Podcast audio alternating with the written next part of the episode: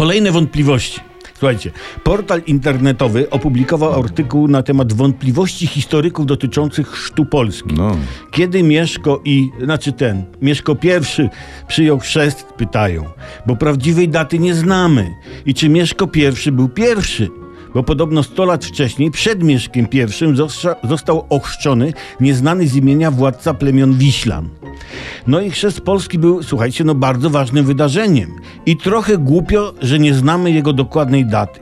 Dlatego wysunąłbym taki postulat, żeby jeszcze raz przeprowadzić chrzest Polski konkretnego dnia, żebyśmy mieli pewność co do daty, może nawet i godziny.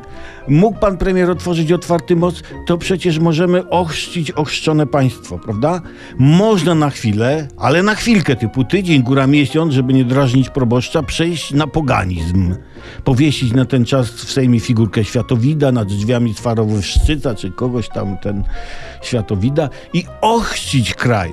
Ważne, żeby Dzień Chrztu Polski wypadł w jakiś ciepły dzień, żeby można było pogrillować, no urządzić takie konkretne, fajne chrzciny. Tylko trzeba pilnować, żeby nikomu do łba nie przyszło, żeby nie było alkoholu. Milanko. I fajnie będzie świętować rocznicę Chrztu Polski, kiedy będzie ciepło, prawda? Najlepszą datą byłby 5 maja. Wtedy długi weekend się wydłuży, bo 1 maja wiadomo wolne, drugi to jest Dzień Flagi, trzeci Konstytucja wolne, 4 maja Świętego Floriana jest patrona strażaków, jest sikawka jest woda do chrztu. Piąty rocznica chrztu wolne. Elastyczny umysł z delikatną żyłką do uczciwej kombinacji dociągnie z wolnym do dnia zwycięstwa 9 maja czy tam 8, a umysł elastyczny nieuczciwy aż do dnia dziecka. Włączcie, no nie byłoby tak lepiej? No byłoby, byłoby.